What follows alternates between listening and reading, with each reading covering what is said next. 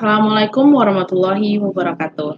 Halo teman-teman semuanya, baik lagi nih di POPMI, Podcast IPM MUHI di sesi BINSA, yang tentunya bareng sama Social Environment. Nah, masih bareng nih sama aku, Belva Syarafina.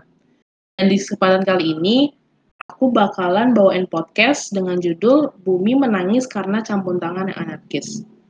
Bumi menangis di sini itu kayak menggambarkan keadaan bumi yang rusak gitu loh dan campur tangan anarkis ini itu pastinya nggak jauh-jauh sih dari perbuatan manusia itu sendiri. Nah, sebelum masuk ke pembahasannya, aku mau ngasih tahu sedikit nih, kalau anarkis itu punya arti loh, dan artinya itu perilaku yang di mana mereka itu ngelakuin segala sesuatu dengan semuanya sendiri, tanpa terikat dan juga dibatasi dengan suatu aturan. Nah, di sini tuh anarkis yang bakal kita bahas ini nggak jauh-jauh nih dari perilaku yang menyimpang yang dilakukan pastinya oleh manusia dalam tindakan merusak alam. Dan di sini aku juga bakal ngebahas nih beberapa bencana. Yang pertama ada kebakaran hutan. Nah, seperti yang kita ketahui bersama nih ya, kebakaran hutan tuh masih menjadi sebuah permasalahan yang masih sering muncul nggak sih di Indonesia? Jadi bukan permasalahan yang dianggap sepele lagi, akibat dari kebakaran hutan ini juga ada beberapa macam loh. Yang pertama nih ya, menipisnya lapisan ozon. Seperti yang kita ketahui nih, kita kan tinggal di era yang di mana global warming itu men masih menjadi masalah serius ya, terutama pada penipisan lapisan ozon. Nah, kebakaran hutan inilah yang pada akhirnya akan memperburuk kondisi ini. Jadi tuh kalau misalnya lapisan ozon udah rusak, otomatis kan nggak bakalan ada tuh tameng untuk sinar ultraviolet yang masuk bumi. Nah, ada nih akibat yang selanjutnya, yaitu kekeringan. Oh, kenapa kekeringan? Ya, iya, karena hutan itu kan salah satu sumber cadangan air bersih ya. Nah, bayangin aja nih, kalau hutan kebakar, otomatis kan kita bakal kehilangan cadangan air bersih dong. Dan menurutku nih ya, yang paling cukup darurat itu tuh perihal flora dan fauna kebakaran hutan ini tuh dapat menghilangkan flora dan fauna yang memang khas banget sih di Indonesia kalau sampai kalau sampai apa ya flora dan fauna ini hilang akan akan ada dua kemungkinan nih teman-teman. Yang pertama nih ya mereka bakal punah. Dan yang kedua mereka bakal ekspansi nih dari hutan ke area permukiman. Bayangin aja tuh kalau semisal ya ada harimau lagi berendam di kamar mandi kalian. Kan nggak lucu. Nah, sebelum suatu akibat terjadi, pasti ada penyebabnya kan ya. Sebenarnya nih ya, ada banyak penyebab kebakaran hutan. Tapi di sini aku cuma bakal jelasin dua nih. Nah, yang pertama itu dibakar dengan sengaja oleh oknum-oknum yang tidak bertanggung jawab. Biasanya tuh ya, mereka melakukan itu tuh karena mereka memang mau ngelakuin alih fungsi lahan gitu loh, kayak perubahan hutan, jadi kayak perkantoran, gedung-gedung lain gitu. Itu yang pertama nih ya. Nah, yang kedua ini ada kenaikan suhu nih teman-teman. Jadi tuh ya, di sini kenaikan suhu yang dimaksud tuh bisa jadi disebabkan oleh dua faktor. Yang pertama itu karena alam. Ya karena memang musimnya lagi kemarau jadi panas kan. Dan itu tuh gampang banget buat hutan kering itu jadi kebakar. Nah, dan yang kedua itu karena ulah manusia nih. Biasanya kan manusia itu melakukan penebangan pohon itu rakus gitu kan ya. Jadi kayak mereka tuh bener-bener motongnya tuh semua gitu loh. Jadi nggak ada sisa dari batang pohonnya gitu Padahal kan seharusnya nih ya, mereka tuh kayak at least ninggalin beberapa pohon lah. Dan baiknya lagi mereka ngelakuin reboisasi gitu. Jadi harusnya tuh ya hutan-hutan itu tuh tetap ada agar uh, hutan itu tuh bisa membantu lingkungan untuk memiliki udara yang segar gitu loh teman-teman. Nah, penyebabnya kan udah nih, akibatnya juga udah. Sekarang masuk cara penanggulangannya. Nah, untuk penanggulangannya sendiri itu ada dua penting nih poin. Yang pertama itu menghindari kegiatan bakar-membakar yang dilakukan di sekitar area yang ada di hutan lindung. Sebenarnya sih ya, nggak apa-apa sih kalian bakar-bakar, tapi ya tolong setelah kalian misalnya setelah selesai membakar misalnya sampah kayak gitu ya, dipastiin tuh apinya itu benar-benar mati gitu loh, baru kalian tinggalin pergi. Jangan malah apinya masih nyala, udah kalian tinggal pergi aja. Dan ini ya yang menurutku paling penting tuh kita itu harus kayak memperketat penjagaan ekosistem hutan atau enggak meningkatkan eksistensi patroli hutan gitu loh. Nah, kalau misalnya intensitas ini bisa dinaikkan, otomatis kan kita bisa memantau lingkungan hutan itu. Dan kita nggak cuma terhindar dari kebakaran hutan, tapi juga kegiatan illegal logging.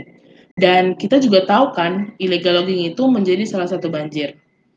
Nah, ngomong-ngomong soal banjir nih ya, aku mau ngebahas sedikit nih tentang banjir. Kalian kemarin denger gak sih ada berita duka dari Kalimantan Selatan yang terjadi banjir yang gede banget. Sampai-sampai tuh ya bangunan-bangunannya, jalanannya itu pada banyak yang hancur. Nah, itu tuh terjadi sekitar tanggal 9 Januari 2021, teman-teman. Dan pastinya tuh ya buat Indonesia terpukul banget sih ya, pasti. Nah, banjir sendiri itu tuh banyak banget teman-teman penyebabnya. Di antara lain, yang pertama ada penebangan hutan secara sembarangan. Jadi nggak ada lagi tuh pohon-pohon yang berperan sebagai reseptor air untuk menyimpan, menyimpan cadangan air dalam tanah. Jadi airnya tuh pasti bakal bablas aja gitu kan, kalau dipikir-pikir dan akhirnya kan pasti menyebabkan banjir. Nah itu yang pertama ya. Yang kedua nih, membuang sampah sembarangan. Aku yakin banget nih, teman-teman yang di rumah dan yang lagi dengerin ini juga pasti sering banget nih orang-orang yang buang sampah sembarangan ke sungai, ke selokan. Itu kan pasti bikin mampet nggak sih? dan pasti itu langsung menimbulkan banjir. Nah, ada lagi nih penyebab yang ketiga, yaitu alih fungsi lahan. Teman-teman pasti nggak asing sih sama namanya ini. Kayak yang aku udah jelasin tadi nih ya, banyak banget nih oknum-oknum yang mengalihkan fungsi hutan itu menjadi sebuah mall, bangunan, restoran gitu. Itu harusnya mereka pikir dulu lah ya sebelum mereka berbuat itu.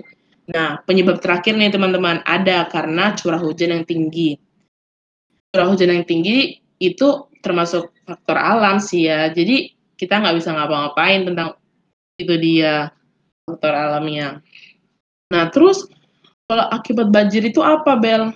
Nah, akibat banjir ini banyak sekali loh teman-teman yang terlihat jelas, kayak semisal nih ya, kehilangan harta benda, menimbulkan kerugian yang besar seperti uh, kehilangan tempat tinggal, fasilitas umum banyak yang rusak, korban jiwa itu banyak banget.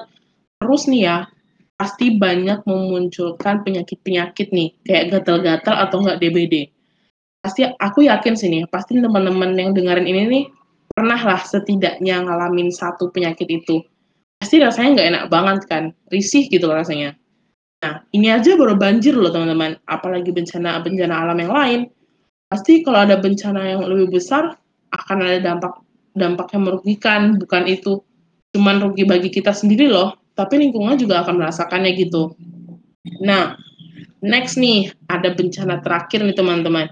Jadi sempet nih ya aku dengar ada kasus gitu di, di Flores gitu ya tanggal 18 Februari 2020 gitu ada kasus kerusakan terumbu karang nih nah kerusakan ini tuh disebabkan oleh beberapa hal nih, di antaranya itu ya, para nelayan di sana itu kayak cenderung kayak masih gunain bom ikan gitu loh untuk uh, dapetin hasil yang lebih banyak. Padahal itu kan kalau dipikir-pikir lagi tuh ya, sayang banget kan terumbu karang di sana itu jadi rusak. Terus masyarakat di sana itu uh, kayak cenderung mengeksploitasi terumbu karang gitu loh untuk dijadikan sebagai bahan kapur. Terus juga ada tuh pengambilan terumbu karang yang masih ilegal semua ini nih ya, kok dipikir-pikir lagi, mungkin tuh terjadi karena ya masih lemahnya undang-undang yang mengatur perihal kekayaan hayati yang ada di Indonesia, teman-teman. Dan lagi-lagi nih, ada sebab, ada akibat. Nah, akibatnya dari rusaknya terumbu karang ini tuh bisa saja membuat ekonomi laut jadi rusak. Udah pasti sih itu ya. Nah, padahal kan seperti yang kita tahu nih, terumbu karang itu tuh kan jadi tempat tinggal bagi ikan-ikan kecil nggak sih? Dan itu kan terumbu karang juga tempat mereka untuk berlindung diri dari predator. Coba aja bayangin deh, kalau misalnya terumbu karang itu rusak, gimana coba ikan-ikan itu tinggal? Di mana coba mereka akan berlindungi diri? Dan juga kalau terumbu karang, terumbu karang itu rusak, itu pun juga bakal ngerugiin para nelayan nggak sih? Padahal kan yang awal yang ngerusakin terumbu karang kan biasanya juga para nelayan itu. Nah, makanya ya, menurutku nih mending tuh nangkapnya yang bener tuh pakai jaring gitu loh setuju nggak pasti setuju lah nah ada nih akibat yang kedua yaitu hilangnya pendapatan di bidang pariwisata. Pasti teman-teman yang lagi dengerin ini juga tahu sih, kalau Indonesia itu terkenal banget nih dengan keindahan bawah lautnya. Kalau misalnya terumbu karang yang di Flores nih ya, atau misalnya di tempat-tempat lain itu rusak, pasti kan daya tarik dari Indonesia tuh berkurang. Padahal kan banyak banget tuh wisatawan dari dari luar negeri atau enggak misalnya dari dalam negeri itu yang pengen banget lihat betapa cantiknya, betapa indahnya terumbu karang itu. Ya walaupun ya banyak banget keindahan yang lain, tapi kan setiap wisatawan itu memiliki maksud dan tujuan yang berbeda-beda sih ya. Kalau ke Indonesia gitu. Nah, yang merugi itu banyak banget loh teman-teman. Dan juga teman-teman tahu nggak, otomatis tuh ya devisa negara juga bakal berkurang loh. Terus kalau misalnya akibat itu terjadi, gimana? Gimana penanggulangannya? Nah, ini dia nih, penanggulangan ini ada teman-teman. Misalnya aja ya, teman-teman yang di rumah nih, udah mulai aktif dalam kegiatan pelestarian laut. Nah, kalian ini bisa aja nih untuk join atau gabung gitu ya ke organisasi-organisasi yang di mana mereka itu benar-benar konsen banget nih sama pelestarian terumbu karang. Dan juga udah banyak banget nih tokoh-tokoh nasional atau enggak artis ya yang udah konsen banget nih sama pelestarian terumbu karang. Misal misal aja kalau aku ngambil ini ada Hamis Daud tuh, sama yang pasti kita kenal tuh Ibu Susi Pujiastuti. Nah, dengan penanggulangan seperti ini tuh ya, kita tuh bisa banget loh bantu untuk memperketat larangan menggunakan bahan peledak untuk menangkap ikan.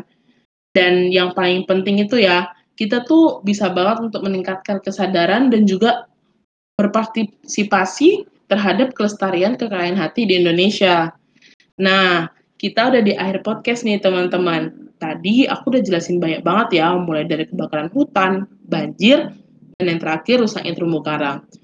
Aku juga jelasin juga tuh terkait sebab akibat dan cara penanggulangannya. Semoga apa yang aku udah sampaikan tadi itu tuh bakal bermanfaat bagi teman-teman. Dan jangan lupa untuk menerapkan kehidupan sehari-hari biar manfaatnya itu kerasa bagi teman-teman. Oke deh, mungkin itu aja dari aku yang bisa aku sampaikan di episode kali ini. Sampai jumpa di episode selanjutnya yang bakalan gak kalah seru nih sama episode ini. Mohon maaf nih ya kalau misalnya Belva ada kesalahan. Aku, Belva dari SE, pamit undur diri. Wassalamualaikum warahmatullahi wabarakatuh.